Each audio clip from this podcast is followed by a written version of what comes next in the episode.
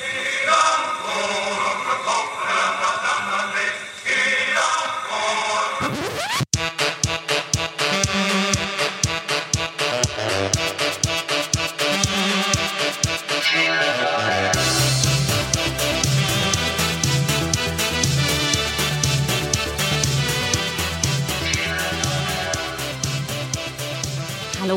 Och välkomna till ytterligare ett avsnitt av Fyllepodden med mig Sanna Lundell.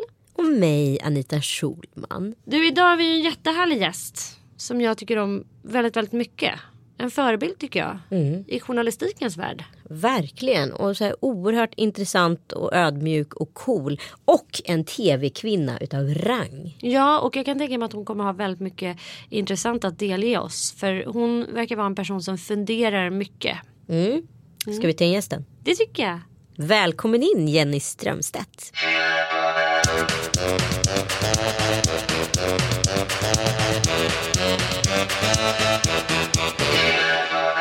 Hej Jenny! Hej Sanna! Hej! Och hej! Vi har alltså redan påat dig. Så det är därför det är väldigt konstigt i Ja. början. Nej, det, det behövs. Jag är bara så glad att få vara här. Det var roligt Fast, fast att jag du kom är lite här. sent nämligen också så att eh, jag tänker att jag har en, jag har en viss uppförsbacke. Det har du inte. Nej. Det, vi som sagt är nästan lite glada att du är sen. Därför att vi, jag i alla fall får ju ta på mig det att jag brukar vara själv sen. Jag är också väldigt glad över att du är så funktionellt klädd. Man brukar se dig i lite glamorösare outfits. Jag vet, eh, och och det, det är min stora hemlighet att jag gärna har funktionskläder ungefär all övrig tid. Jag älskar funktionskläder. Ja, det är faktiskt väldigt Händer det att folk inte känner igen dig när du lufsar runt med fun- funkisarna? Jag, jag skulle nog bli förvånad om någon kände igen. Det blir nästan lite skämmigt där, så man får ursäkta sig att, man, att jag inte har någon spetsblus och jättemycket lösögonfransar. Så, ja, det här För jag såg ju nämligen dig gå runt här i receptionen och kände inte igen dig. Sist kom det helt plötsligt kom ett sms att du stod i receptionen och var förvirrad. Du trodde att det var någon sån vandrare. glamorösa. sam- Ja, en sån här, ja, strunt samma. Mm. Vi ska inte prata om funktionskläder nu, vi ska prata om alkohol med dig. Ja, Bara helt spontant, vad har du för alkoholläge i dagsläget? i dagsläget så eh, har jag en nära dialog med min kropp om alkohol faktiskt. Därför att jag, jobbar, jag har jobbat så länge såna här konstiga tider. På morgnarna på TV4s Nyhetsmorgon. Och då, ehm, I perioder går det bra och i perioder så tär det ganska mycket. Och speciellt nu på hösten.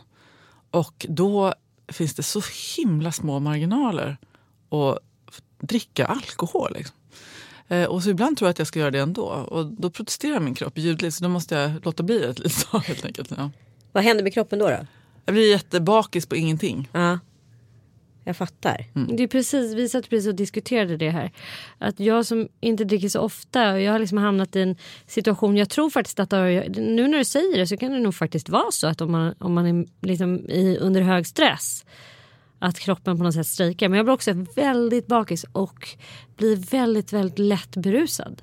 På väldigt små mängder. Ja, och det är ju inte så trevligt. Nej, det är verkligen inte kul att inte veta. Man bara oj gud nu känner jag mig Alltså. Jättefull här liksom. Lite illamående. Jag drack två, eh, två och ett halvt glas vin eh, förra fredagen och blev så illamående alltså.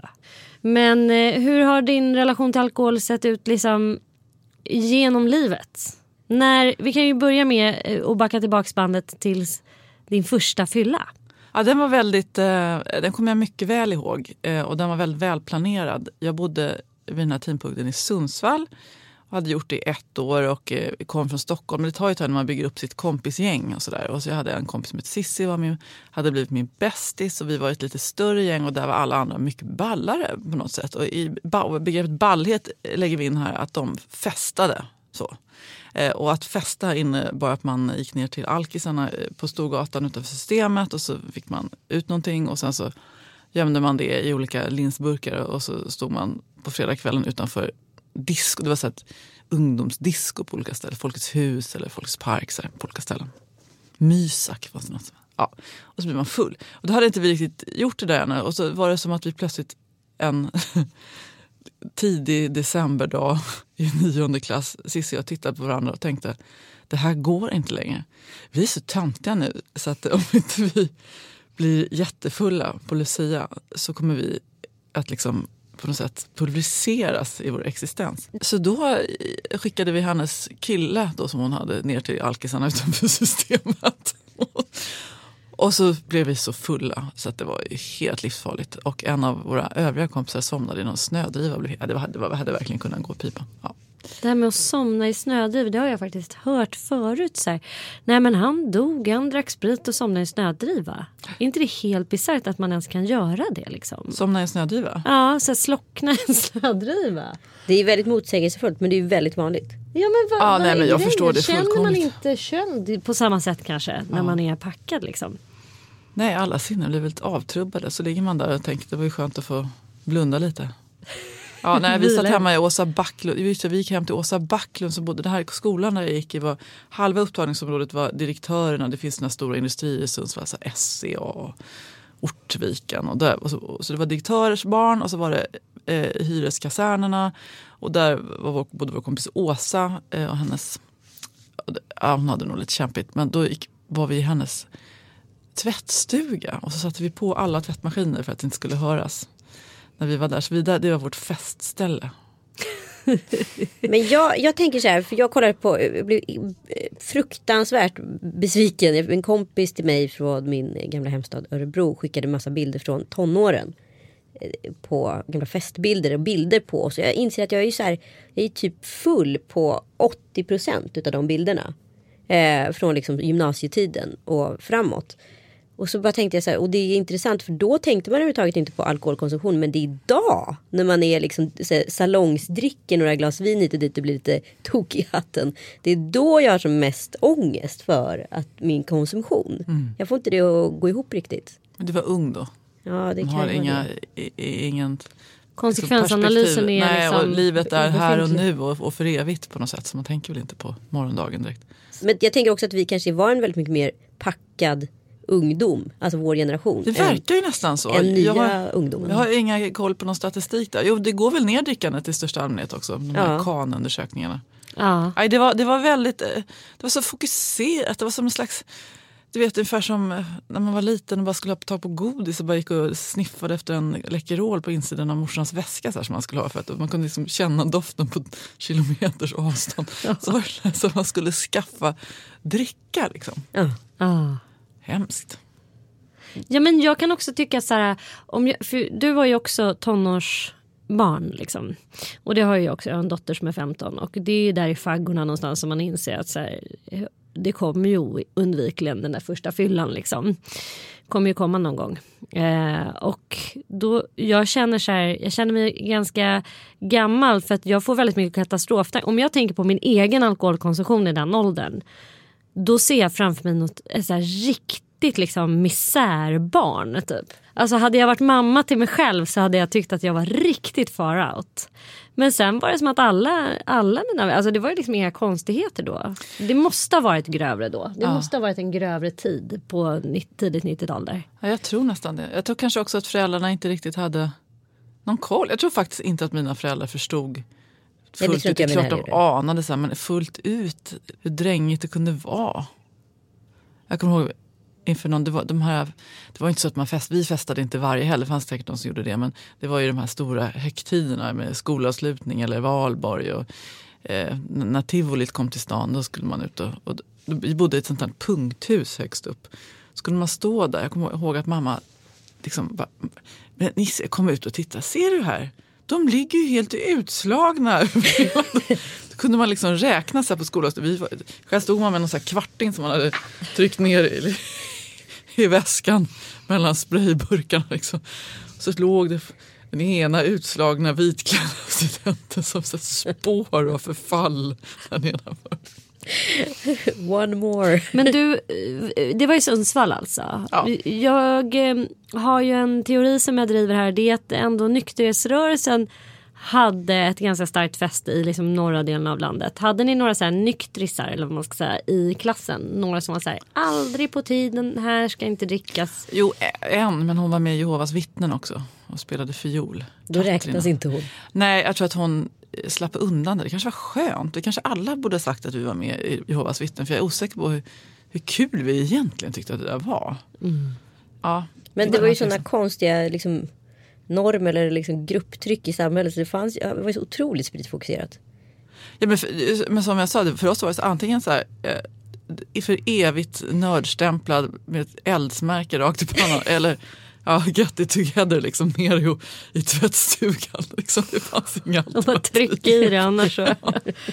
Men varför tror du att det ser ut så? För det är ändå när man tänker på det att eh, det att eh, in, börja dricka alkohol eller kunna handskas med alkohol är liksom ett, verkar vara en, en väldigt viktig del av vuxenblivandet för oss svenskar.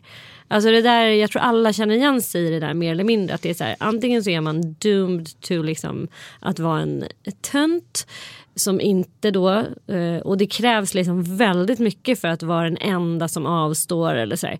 Eller så bara tar man sig kragen och tar sin fylla liksom som alla andra. Mm. Varför tror du att det är så befäst på något oh, sätt? I... Det handlar väl om en, en gruppkulturer, var de, på vilket sätt de nu utformas. Och, eh, det, har ju varit så starkt i, i Sverige med alkohol liksom, på, under väldigt många, många år. Den, den ventilen som man har liksom, för att äh, uh, ha roligt i livet när allt annat är press och stress och så vidare.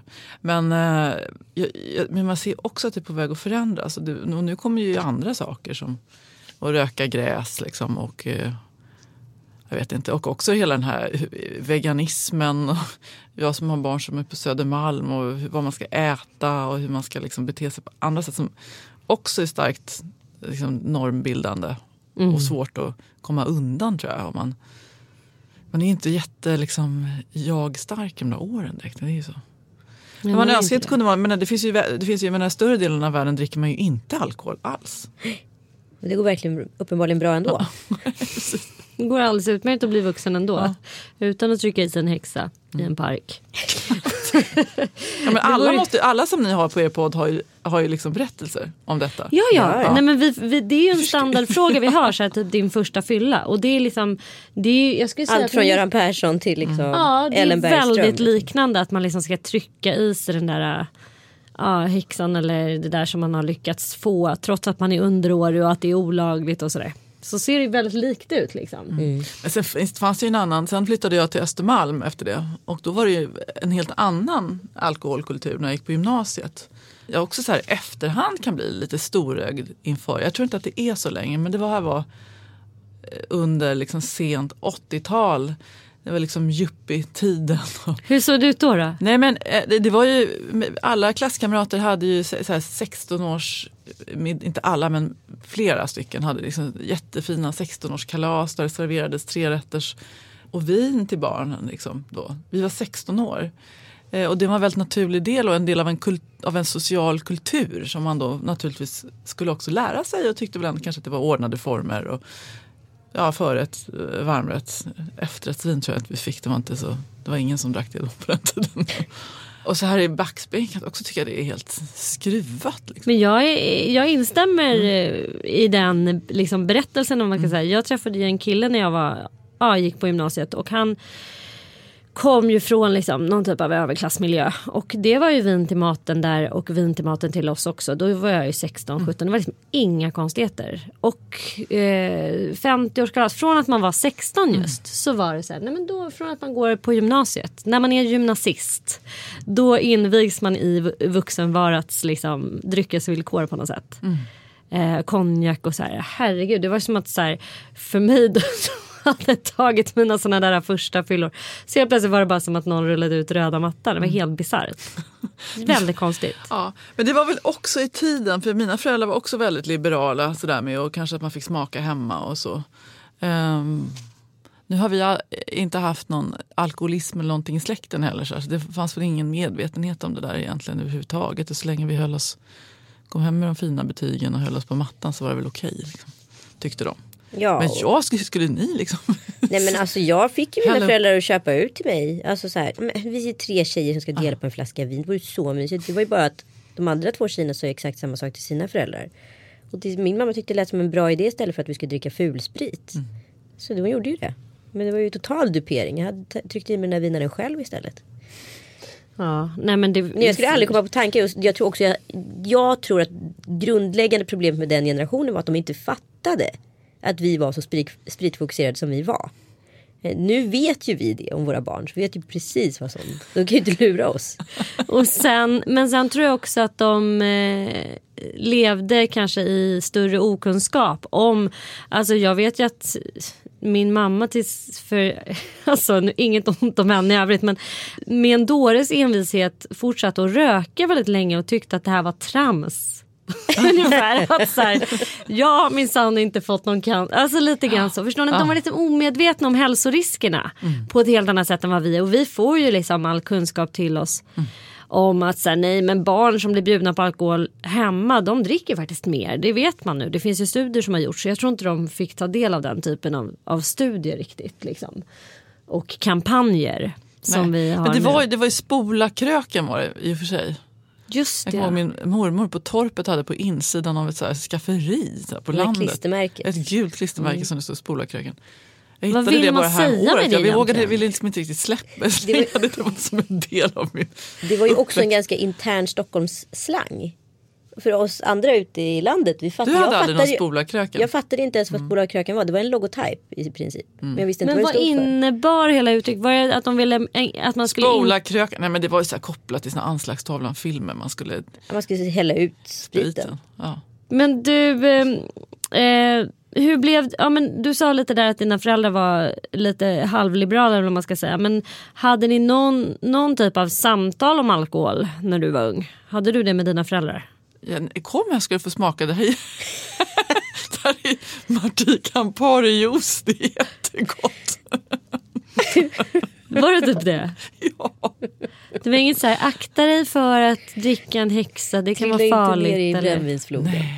Inget sånt. Nej. Ing, nej, jag kan inte påminna mig någonting. Så. Men det, nej, det gick ju bra ändå.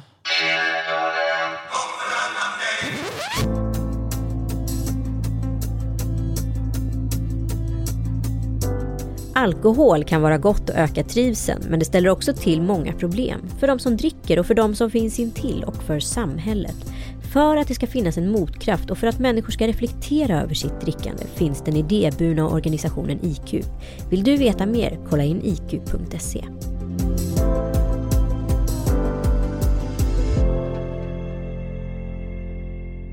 Men du, eh, du är ju du är känd liksom feministisk, eh, vad ska man säga, förgrundsgestalt. Och tycker du att det är någon skillnad på hur man betraktar liksom kvinnliga, eller kvinnor som dricker alkohol och män som dricker alkohol? Jo men så är det väl. Det, eh, det här har ni också säkert funderat över tusen gånger. Men att, att kvinnor som... Eh, alltså, framförallt tänker jag på det mycket nu när jag är, är så här i 40-årsåldern. Att det finns någonting otroligt eh, dekigt, sorgligt liksom med de här eh, bib-kvinnorna helt enkelt. Kvinnor i min ålder och kompisar i min ålder när man är ute och nå, någon kan inte ta, och gud förbjude att det skulle bli mig själv en dag också. Det är därför jag är så rädd för jag vill inte vi, har så här pakt när jag kommer om liksom, du måste säga åt mig. Liksom. Att bli en bib-kvinna, att man liksom blir lite för slirig. Liksom, lite för, tappar lite stringens liksom, och, och lite för simmig på blicken. Liksom. Därför att det blir mycket ofräschare. Det, ja, ja, det här är ju bara en föreställning också men än en man kommer ju undan på ett bättre sätt med det. Gör de verkligen det idag? Jag tror det. Det är inte fräscht med någon liksom som, som blir förslä- Men det är liksom ändå mer så här, det är lite mer på skoj med gubbarna. Det blir mer tragik med kvinnorna. Det ser ju tragiskt ut. Och jag hör ju själv att jag är fast i min egen föreställning om alkohol och kvinnor och alkohol och män. Så är det ju. Men, de, här- men jag, jag alltså, ju äldre man blir desto mer får man akta sig så man liksom inte... Här. Men det är väl, jag förstår precis hur du tänker. Jag har också tänkt sådär. Jag tycker så här, en kvinna över 40, det passar sig inte att vara full då. Och jag tycker det, jag, jag, jag vill liksom slå till mig själv hårt i ansiktet Ja. när jag tänker så. För att Nej, vi hade ju. Agnes Ja. Mm. Wold här. Och hon är ju råfeminist och hon menar ju på att så här, vi eh, skammas, eller kvinnor skammas när det kommer till alkohol. Och, och hon menar på att det var en så här, stor frihetsfråga på något sätt. Att, så här, varför ska då liksom kvinnor, vi ska så här, skammas om vi dricker vin när vi ammar. Som att vi skulle liksom vara helt allmänt förtappade då. Att det hänger ihop med hela för, myten om så här, Madonnan och horan och hela den grejen. Att så här, fula kvinnor de liksom kostar på sig att uh, supa och liksom. Absolut, och det finns Ja. ju ett klassperspektiv och också ovanpå könsperspektivet där liksom att man ska sitta med i benen i kors och vara fin och sval behärskad liksom. Och allt detta som släpper när man tar sig några glas vin och, och kanske ett för mycket. Liksom. Och, det, Ja. och, det blir ju, och det döms ju naturligtvis också hårt på olika sätt. Nej, Jag håller, men jag håller med om att det Men jag är dubbel i frågan. För det var, jag läste, jag såg på någons Instagram om det var Lady Damer tror jag att det var. Som ju är känd feministisk eh, bloggare och instagrammare. Och hon hade, ja, men det, det var någon som satt och ammade sitt barn och tog ett stort glas vin samtidigt. Och hon fick ju motta så här, det var inte Lady Damer utan det var någon annan i den där feministiska kretsen. Hon fick så jävla mycket hat av framförallt kvinnor. Liksom att så här, hur fan kan du och du utsätter ditt barn för fara och så här. Och en del i mig känner bara så här, men gud låt henne ta ett glas. Man vet ju som Agnes Wold sa att liksom bröstmjölken innehåller ju liksom då promille av alkohol, det vill säga ingenting alls liksom. Så det är ingen fara. Men det är den andra aspekten som jag kan bli väldigt äcklad av. Att så här, vad fan ska man sitta och, måste man vara full just när man har en liten Ja. bebis vid sin barm liksom. Och det var, alltså den där bilden, jag såg också den och den var ju tänkt som en provokation därför att den här just moderskap och eh, alkohol handlar mindre om vetenskap och mer om alla, Moralism. Ja, ja exakt och, och massor med andra aspekter. Mm. Och jag kan ju också känna så att jag, jag tror att hon skulle dragit i sig, det var ett stort glas vin. Liksom. En balja Ja, i stort sett. alltså, för, då är man ju faktiskt bara korkad. Liksom. Om man har ansvar för ett litet barn och så ska man bli lite lullig. Liksom. Det verkar ju Det känns också så här Ja. ineffektivt att så här, kröka under tiden man ammar. Och jag tänker att man också påverkar ju smaklökarna. Det kanske inte är så gott heller. Jag inte orkar det här med att man...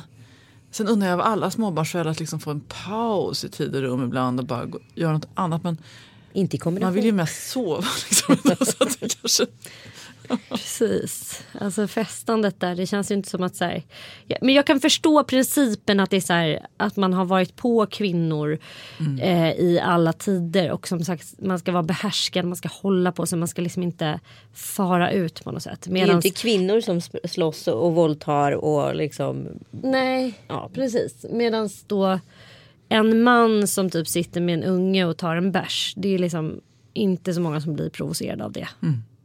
Men du har ju tre döttrar. Hur pratar du med dem om alkohol? ja, men de ser ju när vi har middagar och att man tar ett glas vin och så vidare. Och jag tycker att de har varit väldigt ganska moralistiska med det där. Liksom. Och jätteoroliga för att man ska bli berusad eller sådär. För de har liksom det här, vi bor ju också i en sån stadsdel där vi har jättemycket fullgubbar eh, och gummor överallt. Så vi träffar vi dem och det är jättemånga som tittar på tv som har stannat och pratar. Och det är, liksom, det är ju så här speciellt klientel och, eh, och ganska så många sorgliga ö, öden. Så de ser ju liksom ena änden av konsekvensen av alkoholmissbruk. Och men, men sen där måste man försöka också förklara att för de allra flesta så att jag sitter, vi sitter framför tvn en fredagkväll och tittar på Idol och äter chips med er och vi tar ett glas vin. Det betyder inte att, att vi ska Hamna hamna på gatan. Så Men den oron har liksom faktiskt funnits lite grann hemma så att det minsta har varit så jättemoralistiskt. Men eh, 00-talisterna är ju den eh, generation med högst moral sen 30-talet har det ju mätts. Är det så? Ja, så att det, de kallar det en generation för generation boring till och med. Och 10-talisterna ska vara ännu värre. Ja, det är... Ah, gud. Men jag tänker att det är den där revolten man kan göra med liksom sådana fuck-ups som vi som var spritfokuserade i tonåren. Eller? Nej, och jag tycker någonstans att de har rätt. Det är så här, ja, men om de, de vill inte ha... De tycker det är läskigt om folk har druckit för mycket. De märker det. Då får man inte göra det då helt enkelt. Men jag menar, det, det, är väl, det hänger väl också troligtvis ihop med att det har hänt att vi har fått ett offentligt samtal om eh, al alkoholens liksom skadeverkningar på ett annat sätt. Alltså vi hade när jag gick i skolan, då hade vi så här jag kommer inte ens ihåg vad dag, men det var någon sån temadag. När det kom någon gammal knarkare som var typ heroinist på Plattan och berättade om liksom, ah, börjar ta en bärs och slutar det så här. Alltså på den nivån. Och det kunde man inte ta, ta till sig överhuvudtaget. Liksom. Men det hjälpte för stunden. Ja, det hjälpte för stunden. Man bara, hjälp, jag är jätte... Alltså, man blev oerhört rädd framförallt för narkotika och det var det som var hela tanken med den här eh, propagandadagen ja. eller vad man ska säga. Men i övrigt så, så fanns det inte så många berättelser om människor som hade liksom problem med alkohol och vad det innebar. Utan så här, det bara var någonting som fanns där under ytan på något sätt. Mm. Men idag så finns det ju massor med berättelser om, om, alkohol och människor som är alkoholister som blir nyktra och som är offentliga med det. Mm. och Så, här. så att eh, våra unga får ju ta del av det på ett annat sätt än vad vi fick tänker jag. Så att det kanske mm. inte är så konstigt att de är lite mer. Nej, jag tycker vi har en ganska öppen diskussion också. När man, man dels alla program i, eh, Mm. Som, som ni har gjort inte minst. Ja. ja. Och eh, och, och, i skolan, jag tycker att de får mycket med sig där. Plus mm. att, jag tycker också om, om det är någon i bekantskapskretsen som de överhör något samtal, man pratar om någon som har druckit för mycket på något kalas eller någon som mår dåligt och dricker för mycket. Så att, det, att jag tycker inte att det är så hysch-hyschigt utan då, ja, om de undrar någonting får de väl fråga så svarar man så här, ja så här är det. Mm. Jag hade en eh, släkting som jag inte kände speciellt väl som eh, gick bort, han, han begick självmord faktiskt eh, för, eh, det här året. Och eh, han, eh, det visade sig att han hade haft alkoholproblem också. Så. Och då pratade vi om honom och det, var, det här var en förskräcklig sorglig historia. Så. Och då, då visade det sig att eh, men då, då, måste ju de få ställa frågor, då får man prata om det. Så, ja, det här kan ju hända och så här är det. Mm. Mm. Men jag tänker på Nyhetsmorgon. Där har ju ni lite så här vin och eh, champagne ibland. Eh, på frukosten och provar. Och hur funkar liksom det? Har, har, ni har ju inget så socialt ansvar men finns det något liksom tänk? Jo men det finns väldigt mycket tänk tror jag. Och eh, jag, sitter ju med min, min gamla soffkompis Steffan nu i eviga tider har vi jobbat ihop. Eh, och han är ju en, liksom den som kan mest om sprit till och med och, och om vin och så vidare. är han också jätteduktig på. Har inte han skrivit en bok om jo. whisky och cigarrer? Ja, han, han kan kanske mest om sprit i det här landet. Och, och sprit är ju stark alkohol i allra högsta grad. Men jag vet samtidigt, jag tror faktiskt att jag nästan aldrig har sett honom riktigt på dojan någon gång. Därför att eh, hans predikan är ju också, och det har väl smittat av så mycket på vår kultur, det är ju att ja, men då, då kan man lära sig mer liksom, och förhöja upplevelsen och liksom, hitta saker som har kvalitet. Och, och vad, vad är det här? Var kommer det ifrån? Liksom, att, liksom, hela den, att det blir viktigare än att man bara ska köpa något billigt och kolka i sig.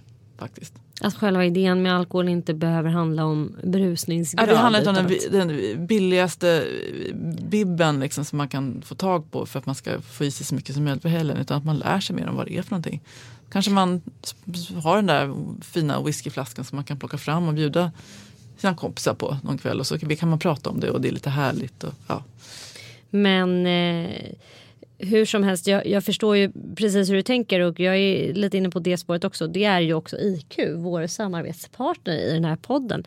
Som ju i allra högsta grad vill lära människor att dricka smartare. Så är ni intresserade av att eh, kolla upp era egna alkoholvanor. Gå in på www.alkoholprofilen.se och gör helt enkelt alkoholprofilen. Det är rätt nyttigt att kolla av hur, hur mycket man dricker bland annat. För ofta dricker man ju vi har haft flera gäster som har gjort alkoholprofilen. Du ska inte behöva göra den idag. Men, eh, ho, de, de, de flesta... veckan hade jag kunnat göra det. Du bara noll, skårar noll på den. Jättetråkigt att göra med dig. Men eh, många har gjort den och eh, har blivit förvånade över att de dricker för mycket. Mm. Det är ju ofta sådär att man inte riktigt så här, aha, skulle det kunna vara skadligt liksom? Så den är, rätt, eh, den är klok att göra ibland. Man säger att man dricker två glas vin och sen så räknar ihop alla de två glas vin som man kanske har fått i sig på en vecka och så plötsligt var det tio glas och då blir man ganska chockad. Ja, mm. ja verkligen. Det går fort. Men, tycker, men om man, har, man känner efter lite så tycker jag ändå kroppen säger så här, nej men nej, nu, det här är ju inte bra för dig, nu får du lägga av liksom. Mm. Man mår ju kass liksom, om man dricker så här mycket. Även, om, även om man inte blir bakis. Så här, i, ja. Man går ju runt med någon så här i, ja. kryp i kroppen. Och det här tycker jag är intressant också, att man, man vill inte bli en moralist heller och säga att, för nu, nu känner jag mig som att jag suttit och moraliserat också över drickande. Jag tycker att det är jättegott att ta ett så här, gott glas rödvin. Mm. Jag kan tycka att det är så belönande. Du går rakt upp i belöningscentrum och får mig att må mycket bra efter en tuff arbetsvecka. Så är det ju. Men dricker jag ett glas till då kan jag fan inte sova på nätterna längre. Har du haft några negativa erfarenheter av alkohol under ditt liv? ja, ja Sanna. jo men gud det är klart man har haft det. Jag menar, och I ungdomen så var det väl liksom mer en regel än ett undantag. Att det slutade i någon slags haveri kan jag tycka så här i efterhand faktiskt. Eh, och på, på äldre dagar också, jag menar, när man var olycklig, o, de olyckligare perioderna i livet så har, man, har, ju, har, man, har ju kanske alkoholen gjort att man har varit inte riktigt så omdömesgill som man hade i, i sitt val av olika partners och så vidare. Så kan det vara. Mm. Men du, eh, när var du senast full då? Full? Nej men alltså det var jag, jag, jag, faktiskt förra fredagen så skulle jag träffa ett par kamrater och, och eh, sådär på fem, mellan fem och sju på fredag eftermiddagen började jag säga hej och ta ett glas kava. Vi har ett sånt jättetrevligt ställe. Och då satt vi och pratade och så drack jag det kanske var tre glas och då kände jag så här, nej men gud det här, ja, det snurrade till i kolan som man brukar säga. Och det var inte så här, det var liksom obehagligt. Jag slutade ändå dricka klockan sju men jag var fruktansvärt bakfull på morgonen när jag vaknade. Då kände jag bara, nej men nu får jag, nu är jag för uppstressad och sover för lite, nu får jag inte dricka, nu får jag ta det lugnt. Mm. Tusen tack för att du kom och eh, jag Delade olika. delade din olycka med oss. Nej men vi har ju en till fråga. Har vi? Ja, hon får inte lämna rummet innan du har berättat om ditt värsta fylleminne. Mitt värsta filmminne. Ja, det värsta du har gjort på fyllan. Det, får- det får vara emotionellt, det får vara fysiskt, det får vara vad du vill. Det värsta jag har gjort på film. Pinsamt får det också vara. Det är ännu roligare. Det tar bort de här grejerna. Nej men jag kan faktiskt inte berätta det. Det, det går... Över alla gränser. Hämtextra såna här ställen lyssnar ju på de här poddarna och skriver så det går inte. Jag är hemskt ledsen. Vad jobbigt på, så här, på framsidan bara. Nej, Du kanske hon skriver ändå, bara för det. Ja, det var så hemskt så att hon inte kunde berätta om det i Fyllepodden. Nej, men då, då ska du få slippa det. Men jag undrar också så här, som offentlig person, brukar du tänka, känner du ibland att du får tänka dig för? Apropå det vi var inne på tidigare, det här med alkohol och kvinnor och att liksom inte vilja vara... Tänker du för ibland när du är på lokal att så här, folk tittar lite extra på dig och bara hmm, Ja, jag är noga med att inte bli full när jag är på lokal faktiskt. Mm. Jag tycker det är, ans- det vore också, och det är inte bara för att jag är rädd för vad de ska tycka om mig. Jag tycker bara det är lite så ansvarslöst. Jag jag gör mig inga illusioner om att jag skulle vara någon jättestor förebild och så vidare. Och så vidare. Men, men det känns ändå lite schysst. Och kanske också därför att vi håller på med alkohol i Nyhetsmorgon på fredagarna där ibland. Då kan inte jag drumla runt och vara så här packad tant. Liksom. Det funkar inte.